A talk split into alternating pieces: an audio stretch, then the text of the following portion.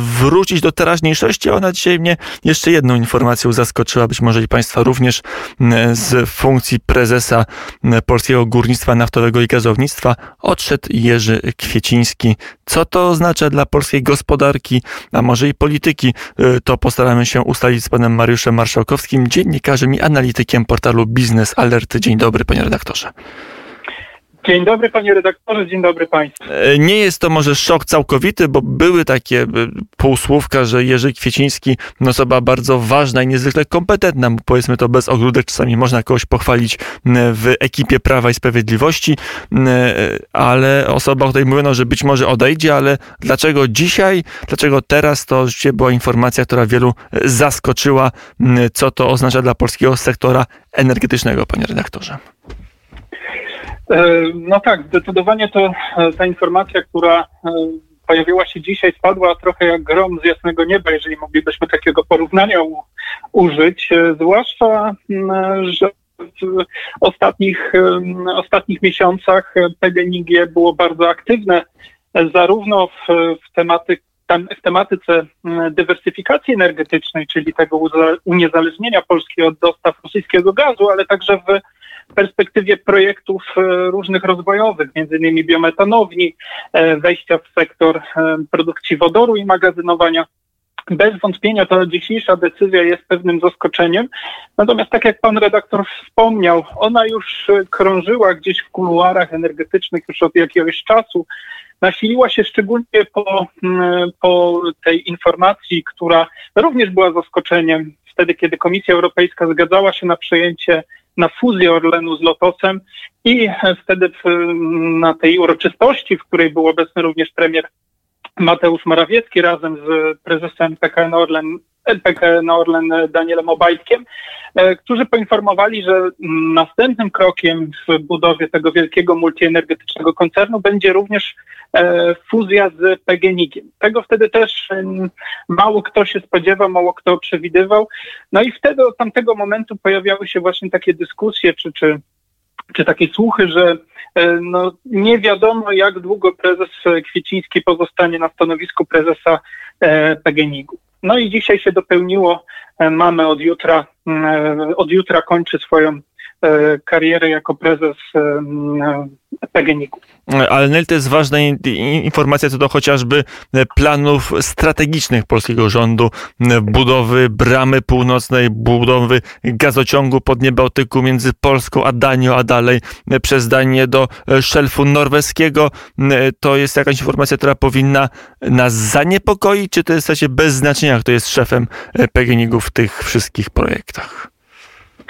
Myślę, że tutaj kwestia personaliów e, prezesów PGNiG-u nie ma większego znaczenia, e, nie ujmując im oczywiście mm, e, ważnego, ważnego elementu nadzoru nad tą spółką. Natomiast decyzja o budowie korytarza północnego, ta decyzja polityczna, nad którą czuwa minister Piotr Naimski, pełnomocnik rządu do budowy strategicznej infrastruktury energetycznej e, i to on e, w zasadzie wyznacza te kierunki, natomiast prezesi poszczególnych spółek e, realizują te, te, te cele. Tak realizował poprzedni prezes, prezes Woźniak, tak realizował prezes Kwieciński. Myślę, że różnice były w akcentach co do samych biznesowych projektów PGNiG-u. I, I, tutaj, tutaj ewentualnie mogą się pojawić jakieś, jakieś zmiany, natomiast co do tych e, strategicznych celów, jaką jest, e, jakim są właśnie uniezależnienie Polski od dostaw rosyjskiego gazu od końca 2022 roku, tutaj nie powinno e, wiele się zmienić. Bez względu na to, kto zostanie prezesem PGNiG-u za kilka tygodni to jeszcze do tej jednej informacji, która może nas naprowadzić na to, dlaczego doszło do tej dość nagłej zmiany, czy dojdzie, bo wiemy, że jutro odejdzie prezes Jerzy Kwieciński, czyli tej fuzji Orlenu, który która ta spółka wchłania kolejne podmioty z rynku i e, energii elektrycznej, bo tutaj fuzja z Energą, ale e, także fuzja z Lotosem, no i potem teraz zapowiedziana fuzja z PGNiG-iem. E, jaki to ma sens? Sens i na ile to będzie skuteczne, że nagle na polskim rynku powstanie taka trochę nierównowaga, bo wśród spółek Skarbu Państwa nagle pojawi się podmiot no naprawdę potężny i już będzie pytanie, czy to Jacek Sasin, czy premier Mateusz Morawiecki zarządza Danielem Obajtkiem i jego Wielkim Orlenem, czy wręcz odwrotnie to Orlen będzie zarządzał Ministerstwem Aktywów Państwowych, czy być może całym rządem. E, to znaczy, jeżeli chodzi o samą fuzję czy tworzenie koncernu multienergetycznego, to nie jest to coś e, nadzwyczajnego, jeżeli popatrzymy na rynki energetyczne Europy. E, takie fuzje odbyły się już w Niemczech, takie fuzje miały miejsce w Austrii, miały miejsce we Francji, gdzie mniejsze koncerny państwowe łączyły się po to, aby być bardziej konkurencyjnymi, bardziej, bardziej silnymi w, w relacjach z tymi podmiotami zagranicznymi. Takie koncerny jak w Polsce, czy, czy rozdrobnione państwowe koncerny jak e, Lotos, jak e, Energa, jak PGNiG, jak Lotos, jak Orlen, przepraszam, no one są duże na skalę polskiego rynku, natomiast nie są duże w skali europejskiej. Nawet po połączeniu się razem, to wciąż na europejskim rynku energetycznym, więc e, taki krok nie jest jakimś specjalnym zaskoczeniem.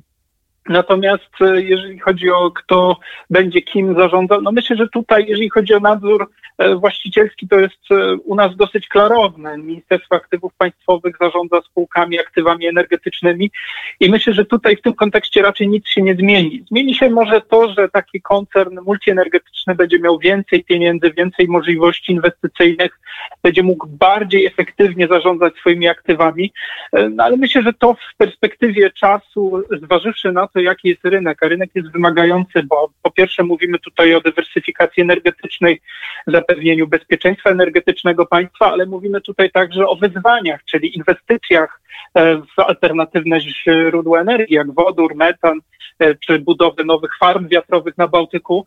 No i kontekst oczywiście europejski, czyli dążenia Unii Europejskiej do neutralności klimatycznej. Mając taki duży energetyczny koncern, Polska ma więcej narzędzi do e, negocjacji z Komisją Europejską, do tworzenia nowych e, projektów energetycznych, które będą nas przybliżać do e, sprostania tym wymogom europejskim dotyczących emisji dwutlenku węgla do atmosfery powiedział Mariusz Marszałkowski, dziennikarz analityk portalu Business Alert. Panie redaktorze, dziękuję bardzo za rozmowę. Dziękuję serdecznie, wszystkiego dobrego.